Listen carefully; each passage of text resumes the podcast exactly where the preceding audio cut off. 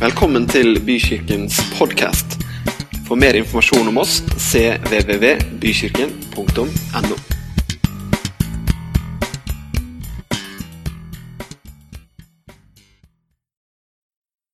Det jeg har lyst til å snakke om med dere i dag, det er sangen i mitt liv.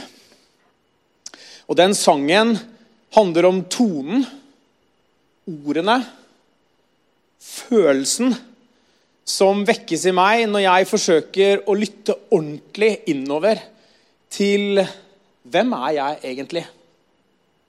Hvem er jeg ikke bare fordi det har blitt sånn, men fordi det også er valg jeg har tatt? Erfaringer og ikke minst musikk jeg har lyttet til, som har festa noe i tankene mine. Ved siden av det å jobbe i næringsliv, så har jeg fordi min utdannelse er egentlig å være jurist. Og Det kan jo brukes til alt, men dermed også fort ikke nødvendigvis så skarpt eller spist noen ting. Eh, hvis man ikke gjør seg til ekspert. Så jeg har, fordi jeg da ikke praktiserer liksom det å være advokat eller jurist, dom eller lignende, men jobber i salg, så har jeg hatt lyst til å videreutdanne meg. Så nå om dagen så går jeg på et masterstudie, så jeg er blitt student igjen, eh, på en business-skole i London. Og noe av det første de starter ut med der, som liksom bare setter hele kullet ut, det er en eh, professor som ber oss bare kjenne etter. Kjenne etter tilbake til da vi er barn. Til sånne opplevelser som virkelig gjør at vi lærte oss å forstå hva det er å sette pris på. Være glad i. Og når jeg tenker sånn tilbake, så er sang i kirken, hjemme, rundt salongbordet, hvor jeg ganske ofte kunne bare sitte ned sånn på teppet ved siden av og lytte inn til bibelgrupper. Voksnes prat, der noe forstår du, mye forstår du ikke. Kanskje blir det sånn i dag her også. Der det setter noe, eller sår noe, vil man vel si på fint, da, inni meg. Så nå skal jeg dele litt av det, og så får vi se hvor det tar oss. Aller først I sommer så tok jeg med familien min, altså kona mi Inger-Lise og våre to døtre, Filippa og Naomi. Vi tok en tur ut på interrail. Og Flere grunner til det, men jeg har alltid hatt lyst til å reise på en sånn måte. Jeg reiser med tog hver eneste dag, så jeg trives på en måte med den muligheten til å bli transportert samtidig som man kan gjøre andre ting. Eh, men det er noe med den måten å reise sammen på der reisen også er en opplevelse, ikke bare transport. da. Man møter mange mennesker. Man ser mye forskjellig. Og så hadde vi valgt oss ut noen destinasjoner, og en av de ser dere nå. Vi valgte å stanse i noe som heter Levantodalen, som er da like ved Cinque Terre. Cinque Terre er et sånt eh, Hvis dere har sett på Luca, Disney-tegnefilmen Det er Disney, ja. Eh, I hvert fall er det en veldig kjent tegnefilm. Kanskje er det sånn uh, Dreamworks Men uansett, det, jo, det er Disney. Uh, og Der ser du at de har liksom tatt litt fra flere av de fem byene som utgjør Cinque Terre. Og så har de tegna sånn der, italiensk landsby som liksom klamrer seg til klippene. Så tenk at det er et sånt landskap. Og så har jeg beveget meg litt opp, sånn at vi er ikke helt nede ved vannkanten. Jeg sitter litt opp her nå. Og så er det sånn at der hvor vi spiser på dette stedet, et lite, lite hotell i en steinrøys med liksom Liguria-kysten av Italia for våre føtter, så stikker dette kirketårnet her opp. Chiesa Nova heter dette lille stedet. Ny kirke blir det på norsk. Jeg lurte litt på, denne her Nykirken så ikke så veldig ny ut for meg. da, så jeg tenkte liksom, Hva er det for noe med Nykirken her? Det viser seg at Den har liksom aner tilbake til 1200-tallet. Det er akkurat som eh, kirken på Borre det, i Åsgårdstrand. Der jeg gifta meg for 20 år siden. Ikke for å understreke hvor gammel jeg er, men, men for å få fram et poeng av at vi står i en tradisjon, dere. Der noen har kjent på sangen i sitt liv til toner og ord gjennom generasjoner. Og hver eneste dag, til helt bestemte klokkeslett, så ringer klokkene i det tårnet. En litt sånn eh, spesiell klang som jeg nå skulle ønske at jeg hadde tatt opp, sånn at jeg kunne dele med dere. Fordi den kaller jo på alle i det området gjennom døgnets tider til å minnes da, tonen troen. Og kanskje en aldri så liten påminnelse om at for å forstå andre, for å forstå Gud, for å kunne koble oss på, så må vi kjenne oss selv. Og i oss selv så lærer vi i vår kristne tradisjon at vi mennesker er skapt som annerledes enn andre skapninger. For i oss selv så er det noe annet enn bare kropp som blir gammel og til slutt forgår. Eller personlighet som kan forandres og formes på så mange måter. Men det er som om det er en egen plass og en egen del av oss mennesker som kommer til uttrykk nettopp ved at ting males, ting formes, ord formuleres, toner settes. Ånd, kultur, uttrykk for at vi mennesker er skapende. Noen har lagt skaperkraft i mennesker, som skiller oss fra alle andre skapninger. Og Sånne tanker gjorde jeg meg til den litt sånn rustne klokkeklangen ved x antall stoppesteder i løpet av døgnet. Ikke minst rett før man skulle spise måltider. da, Fra kirketårnet i Chiesa Stedet vi bodde på, het Sosta di Otone. Og Sosta det betyr stoppestedet, og Tone det er Otto. Og denne Otto de tenker på, det er Otto den tredje, som var keiser i det hellige romerske riket. Dette har sikkert flere av dere lært om på skolen. Men vi snakker altså om en som 16-åring som beveger seg til fots, og sikkert også delvis til hest eller andre eh, datidens transportmidler, i et ulendt terreng på vei til Roma for å bli eh, kronet til keiser i dette enorme keiserdømmet. Kronet til keiser som 16-åring. Og ikke tror jeg vel at klokkene kanskje klang akkurat som de gjorde da jeg hørte det. Men det ga noe spenn i tid fra et stoppested for en som 16-åring i 996 skulle bli kronet til keiser og måtte dermed til Roma, hvor det er paven som den gang skulle gjøre det.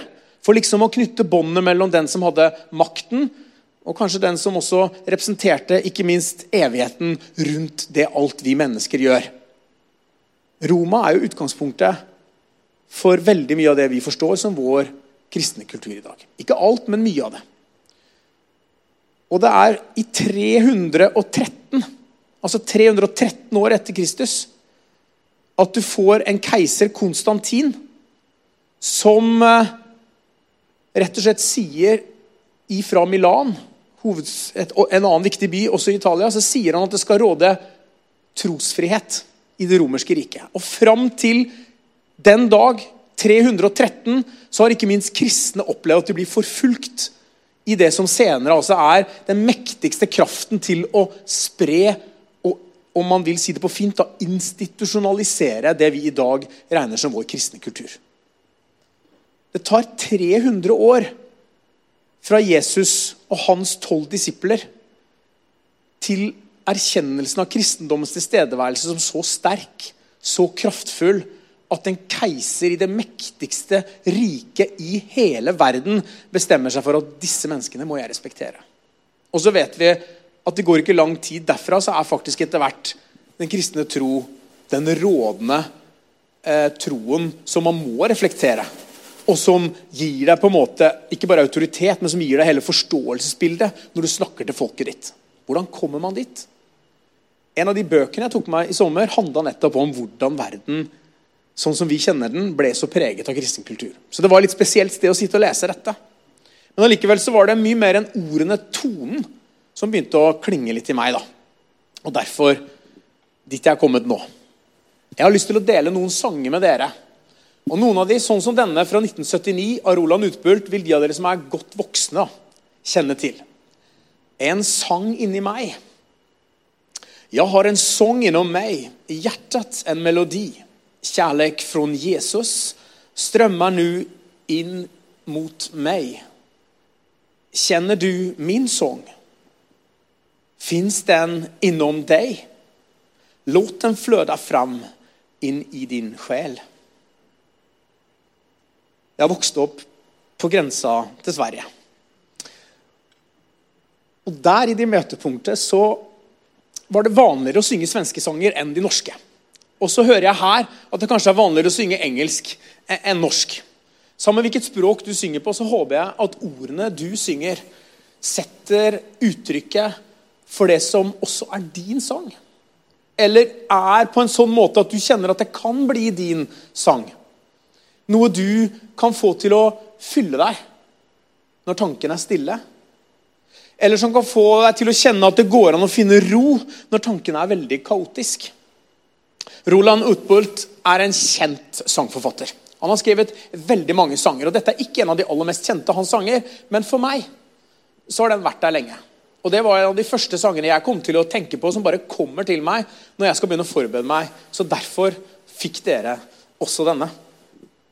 Her er bibelteksten som jeg ville vi skulle gå litt inn i i dag.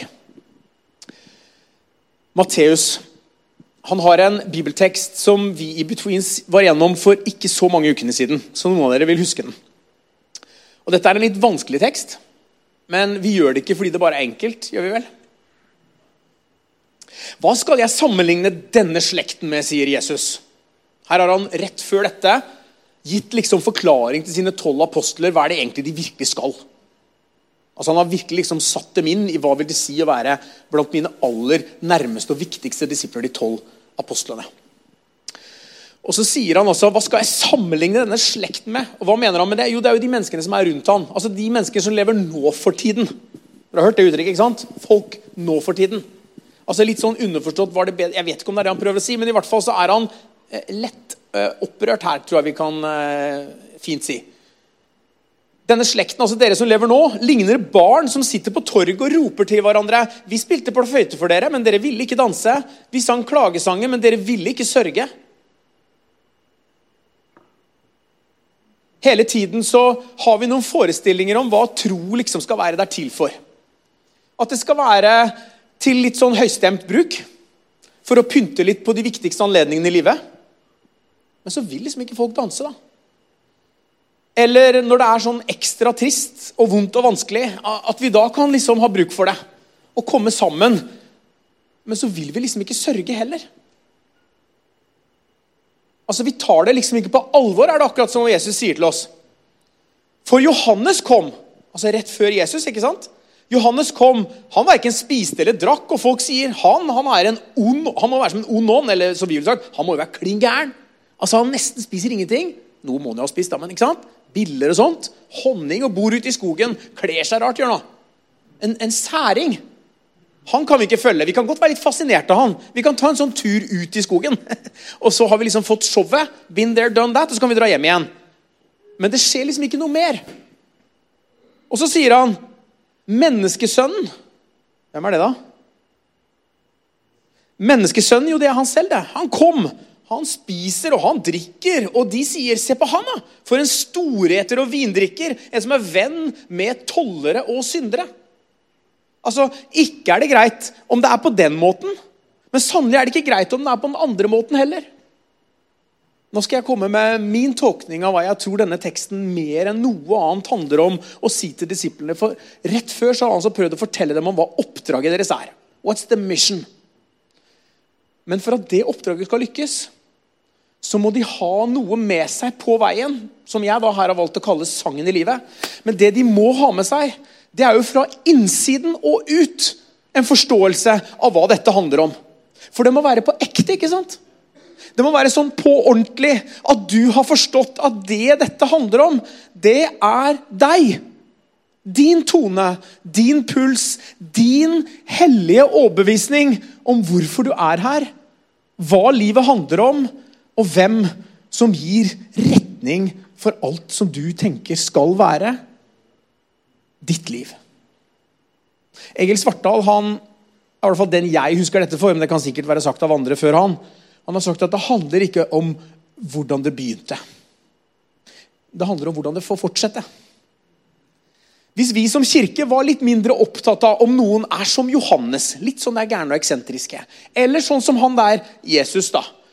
For da er det jo mennesket Jesus de ser. ikke sant? De ser jo ikke Guds sønn. De ser ikke han som er kommet med en helt spesiell oppgave. De ser bare en som drikker og spiser med syndere. Altså Noe som irriterer dem. Noe som har en form som ikke passer dem. De hører jo ikke det han sier. De som har ører, hør, står det egentlig rett før denne teksten her. Altså en setning. Hør, da! Hva er det jeg egentlig vil si til dere? Og så har jeg rett og slett valgt å skåne dere for det som kommer etterpå nå. Eh, fordi da er Jesus så opprørt at han går gjennom de byene han vanligvis har besøkt mange ganger. Og så konkluderer han vel rett og slett med at det kommer til å være vanskeligere for dere enn det det ville være eller var, selv for de som kom fra Sodoma. Og så kan man jo tenke seg liksom, hvilken sammenligning. Altså, Tenk dere da noe av det dere syns er på en måte minst kirkelig. Lengst vekk fra kirken, og så sier han egentlig de han har tettest seg, og de han har møtt oftest, og de han har fått lov til å være synlig Jesus for mange ganger. Dere har ikke skjønt det. Allikevel så vokser det da fram en tro. En tro som har båret gjennom generasjoner. Og den andre sangen jeg vil dele med dere, den synges i veldig mange kirker over hele verden med de greske ordene 'Kyrie eleison'. Vær barmhjertig, Herre. Eller også 'Herre, miskunn deg'. Et vanskelig ord, så derfor valgte jeg å bruke 'barmhjertig' her. Det fins flere steder i Det nye testamentet hvor man hører dette ropet til Jesus. Vær barmhjertig, Herre. Se til meg, sier Bartimeus, den blinde. Det fins flere historier om den blinde mannen som Jesus sørger for gir synet, men akkurat Markus velger å sette navnet på han, Bartimeus. Og det er en ting til som kommer tydelig fram, fordi han sier ikke bare 'Ha barmhjertighet med meg, Herre', men han sier 'Du Davids sønn', sier han. Bartimeus har skjønt noe, noe mer om hvem Jesus virkelig er. Det er akkurat som om det er en spesiell grunn til at Markus vil fortelle oss akkurat det. Jesus er liksom ikke bare en veldig fascinerende person, men han har et helt spesielt oppdrag. Og det oppdraget det er å være Gud selv blant oss mennesker. Nåde i kjøtt og blod. Ei hånd å holde i, om du vil. da. Men Jesus vet jo at menneskehånd den må i så fall skifte over generasjoner. Han hadde ikke noe behov for å være som en Marvel-superhero. For hvis eh, Gud hadde kommet på den måten, så ville det vel ikke vært frie, selvstendige mennesker som valgte, men overrumplede, fascinerte. Se på denne mirakelmannen! Ikke sant? Se på han som kan fly! Se på han som kan leve evig! Det var ikke disse poengene Jesus valgte å dra fram med sitt liv, men snarere tvert imot alt annet som gjorde han enda mer menneskelig enn selv mange ganger de menneskene vi lurer litt på kommer de til å klare det. Har de det i seg? Vi ser Matteus trekke fram en mor som ber for sin datter med det samme. Kyrie eleison. Herre, miskunn deg over datteren min. Litt senere i det samme en far som ber for sønnen sin, som beskrives som å ha noe som vi i dag kanskje forstår som epilepsi. Og så har vi også to blinde til. Gjennom generasjoner så er det altså sånn at folk har henvendt seg med disse ropene. Hver eneste gudstjeneste over hele verden så er det noen som velger å gjøre det til en form først, før de gjør noe annet. Vær barmhjertig, Herre. Først oppmerksomheten dit hvor nåden er å finne, så alt det andre. Jeg har en bibeltekst til, og det her blir den uh, siste nei, nest siste bibelteksten. En annen er fortsettelsen der vi var i stad. Men her er vi litt et annet sted. Vi er hos Lukas. Og vi ser Carvaggio sitt maleri. Det er fra 1601. Og se disse mennene som plutselig blir overrasket her. Det er jo Emmaus-vandrerne to andre disipler enn de som var nærmest Jesus, men de hadde likevel fulgt Jesus mye, disse her også. Tre dager etter at Jesus er erklært død, ja, korsfestet død, så har de dratt fra Jerusalem.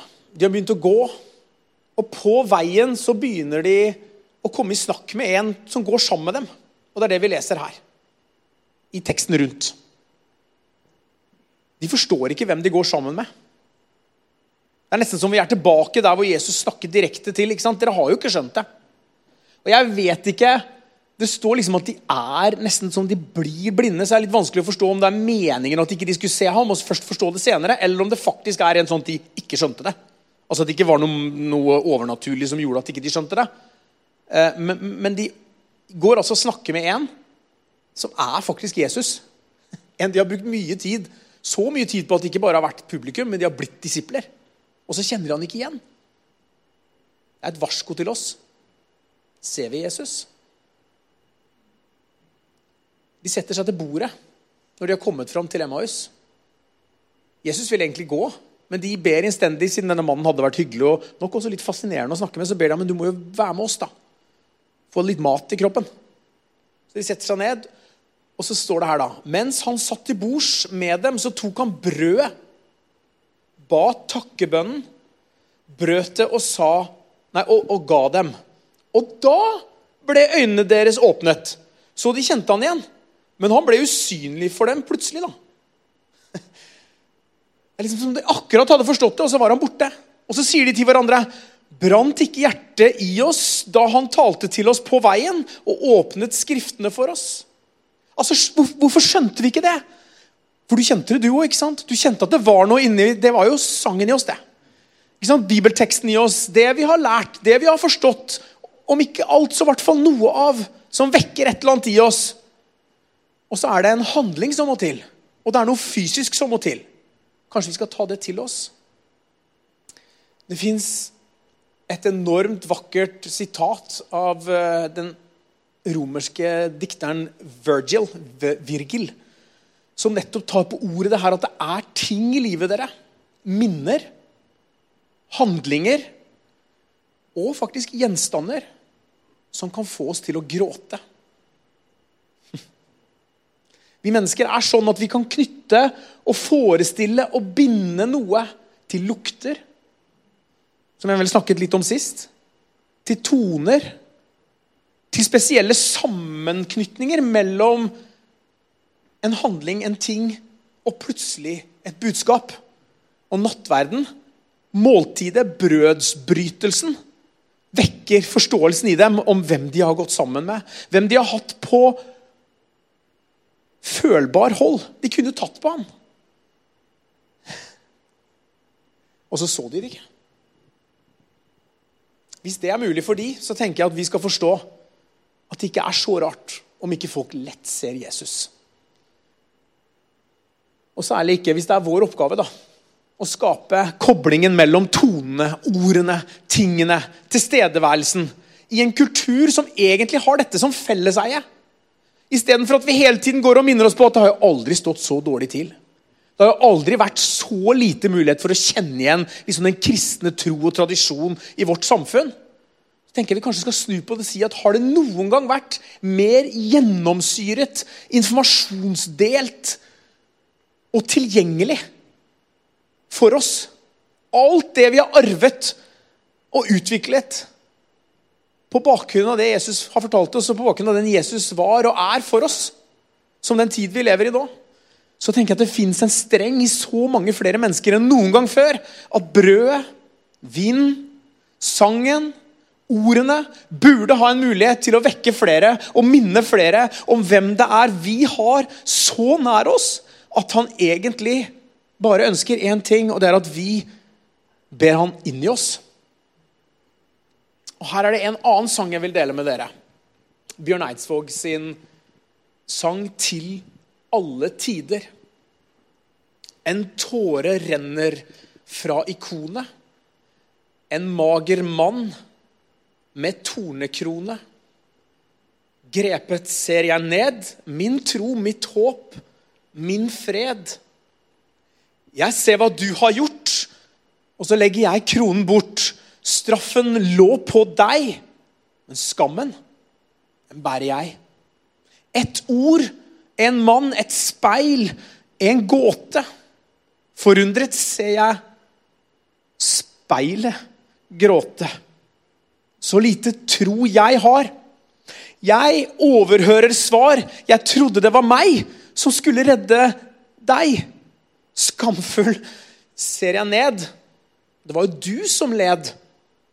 En mager mann som stille lider. Evig Gud til alle tider, i himmel og på jord. Min frelser og min bror.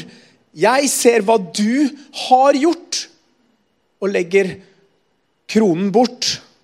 Straffen lå på deg, men nåden bærer meg. Steder at det skjer noe med Bjørn Eidsvågs resonnement her. Fra en som møter liksom nesten den stakkarslige Jesus. Den som er et sånt fjernt minne tilbake i tid om en som ja, har ofret og har litt. Ikke sant? Men det er liksom noe som bare er fanget i et bilde på veggen. Og vi ser det her. Fra en altertavle som er delt i tre. Og i sentrum av denne tredelte altertavlen så får vi dette motivet. Jesus på korset. Denne kunsttavlen her vet vi ikke helt hvem som er eh, kunstneren bak. Så Derfor har han liksom fått bare navnet til stedet. Eh, fra Aachen. Og den var egentlig ment for en stor stor kirke i Köln. Fins nå på British Museum, så langt jeg forstår det. i hvert fall. Så hadde de valgt å trekke fra den her som en del av en påskekunstutstilling. Og Vi ser jo Jesus her som mager. Er han død? Ser dere at beina er knekt opp på de andre som henger ved siden av? De valgte jo ikke knekke beina til Jesus fordi han var allerede død, mente de.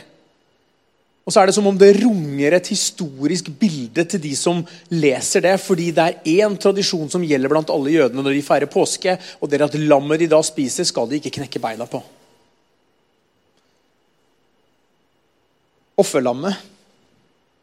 En påminnelse i et bilde kraftfullt for de som da var i stand til å forstå det. og Derfor er det kanskje viktig at vi også minner oss på hva som ligger i bildene.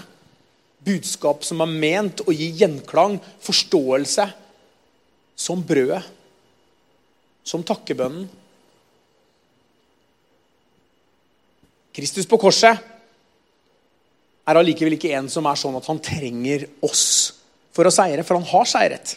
Og det er det som går opp i denne sangen, så tydelig jeg starta ut med å si litt om hvordan vi nok mange mennesker fokuserer litt mye på om folk rundt oss er på rett måte. Og at det er viktig å se inn i oss selv. Dette er nok en tekst som handler om å virkelig gå inn i deg selv og se at nåden, den bærer deg. Jesus, han er sterkere enn alt. Du skal ikke kjempe hans kamp, du skal la han utruste deg til å kjempe dine.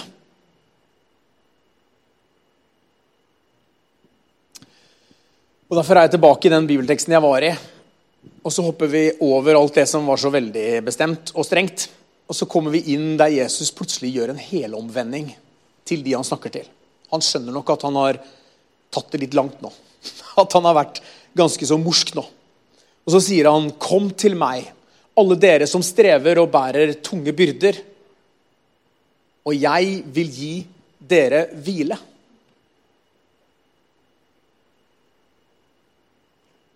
Mange som stedes til siste hvile i Norge, de gjør det med denne sangen i begravelsen sin. Erik Bye, en bauta av en mann i fysisk størrelse. Han har laget en av de salmene som jeg er kjempeglad for man har tatt helt inn i kirkens salmer. Og som jeg tenkte at selv om vi ikke synger den så ofte her, så er den verdt for meg for å dele noen av mine sanger med dere. Jeg synger meg en blå, blå salme. Han velger nok det fordi den blå timen kjenner dere, ikke sant? Den som er der hvor det går over mot natt. Men det fortsatt er nok lys til kanskje å reflektere ekstra. Han synger om å vinke farvel. Litt poetisk er det her, ikke sant? med bilder som liksom kanskje vekker sånne sanselige minner hos oss. Gresset ved min fot. Tenk på det. Og så synger han sin salme. Eller så står her 'min salme'.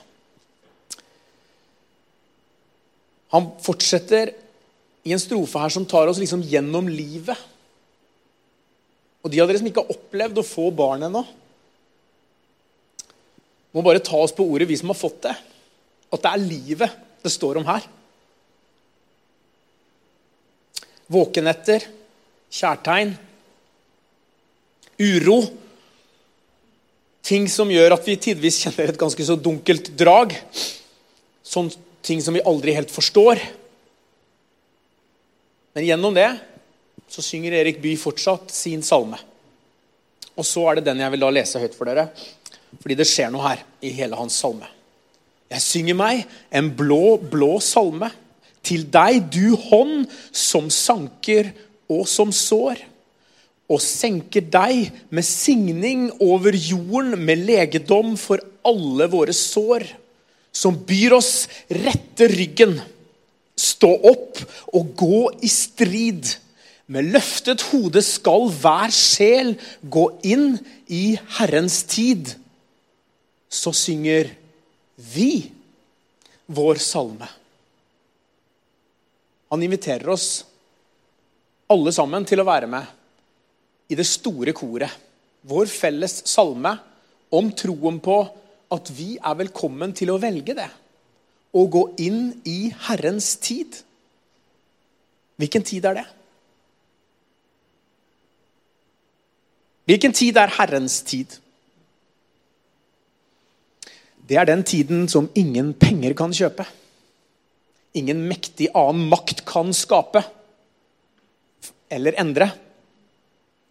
Den tid som er lik for oss alle, uavhengig av hvordan vi kom til verden. Uavhengig faktisk også av hvordan vi har levd, hvis ikke vi tar valget, da. Og dette tror jeg er noe av det aller, aller viktigste å forstå helt fra den første teksten jeg delte, til den siste, om at Jesus han kaller på deg. Det er ditt valg. Det er du som må ta valget om å gå inn i Herrens tid, for Herrens tid det er evigheten.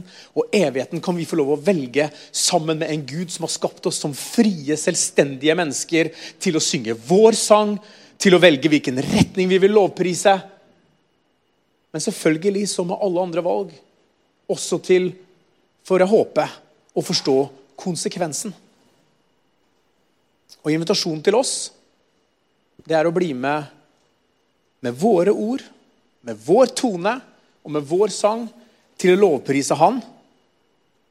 Dette var mine sanger som jeg ville dele med dere. Takk for oppmerksomheten.